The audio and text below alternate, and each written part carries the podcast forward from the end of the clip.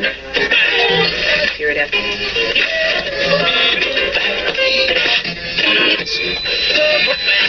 Radio Wolne Media i Radio Paranormalium przedstawiają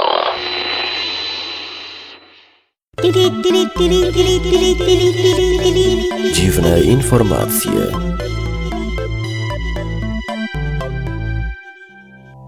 Programie o deszczu nietoperzy, zziębniętym uciekinierze z więzienia, zainteresowaniu kalendarzami z 1986 roku, obronie elfów przed budową autostrady i wybuchnięciu gigantycznej kaczki na Tajwanie. Panie, panowie i obojnaki, dzisiejsze wydanie dziwnych informacji sponsoruje bombowy kaczor Donald. Wow, jestem z radio, dzień dobry.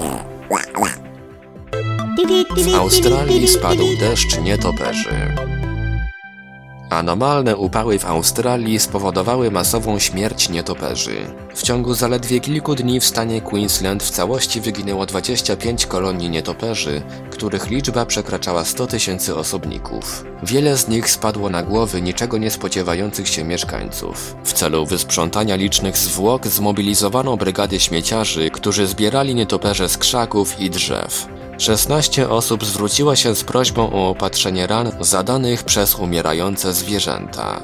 Prezydent Republiki Mozambiku przesłał już list kondolencyjny na ręce Batmana. Uciekinier wrócił do, do, do więzienia z po, po, po powodu zimna. Przestępca uciekł z więzienia w mieście Lexington w stanie Kentucky w USA. Na zewnątrz było jednak tak zimno, że postanowił wrócić z powrotem. Skazany za kradzieże Robert Vick uciekł z więzienia o zwykłym rygorze. Z powodu panujących na zewnątrz mrozów zaszedł do lokalnego motelu i poprosił pracownika, by zadzwonił na policję. Po tym jak Wika obejrzeli lekarze, wrócił on do więzienia. Podczas ucieczki przestępca ubrany był jedynie w odzież więzienną. Temperatura powietrza w Lexington spadła wówczas do 20 stopni poniżej zera.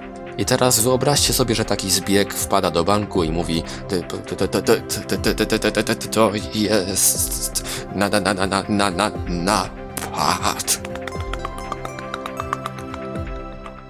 Niezwykły popyt na kalendarze z 1986 roku. Po nadejściu nowego 2014 roku w internecie odnotowano niezwykły popyt na kalendarze z 1986 roku. W niezwykły, ale zgodny z matematyką sposób całkowicie pokrywają się w nich dni tygodnia. Liczni miłośnicy paradoksów próbują kupić kalendarze sprzed 28 lat, aby żyć według nich w tym roku. W rezultacie wielu ludzi próbuje znaleźć na strychach i w piwnicach niewyrzucone do tej pory kalendarze z 1986 roku. Ich cena w sieci wynosi do 100 dolarów za egzemplarz. Zapobiegliwi zaopatrują się już w kalendarze z 1987 roku, które przydadzą się za rok. Elfy opóźniają budowę drogi. Obrońcy elfów i ekolodzy zjednoczyli się w Islandii, by powstrzymać projekt budowy drogi realizowany na obszarze, na którym mogą żyć elfy. Według sądu projekt autostrady zostanie anulowany, gdyż elfy rzeczywiście mogą żyć w miejscu jego realizacji. Droga miała łączyć Reykjavik z półwyspem Alftanes, pomiędzy którym znajduje się kościół elfów, gdzie według bojowników mogą żyć elfy.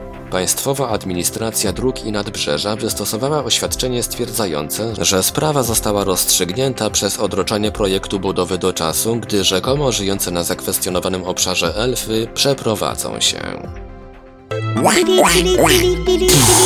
Wybuch gigantycznej kaczki.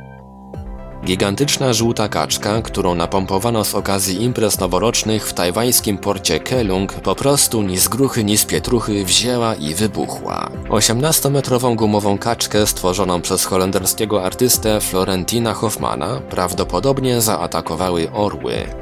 W ubiegłym miesiącu inna gigantyczna kaczka Hoffmana, również eksponowana na Tajwanie, wypuściła powietrze z powodu trzęsienia ziemi. Trzecią we wrześniu trzeba było wyciągnąć na brzeg z powodu zbliżającego się tajfunu. Kaczki kaczkami, ale orłom z Tajwanu chyba przydałyby się okulary. Co nie, Donald? Ła, ła, ła, ła, tak, tak. Zgadzam się. W się z tobą. Dziwne informacje.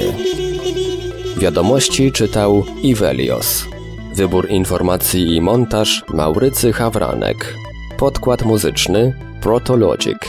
Produkcja Radio Wolne Media i Radio Paranormalium.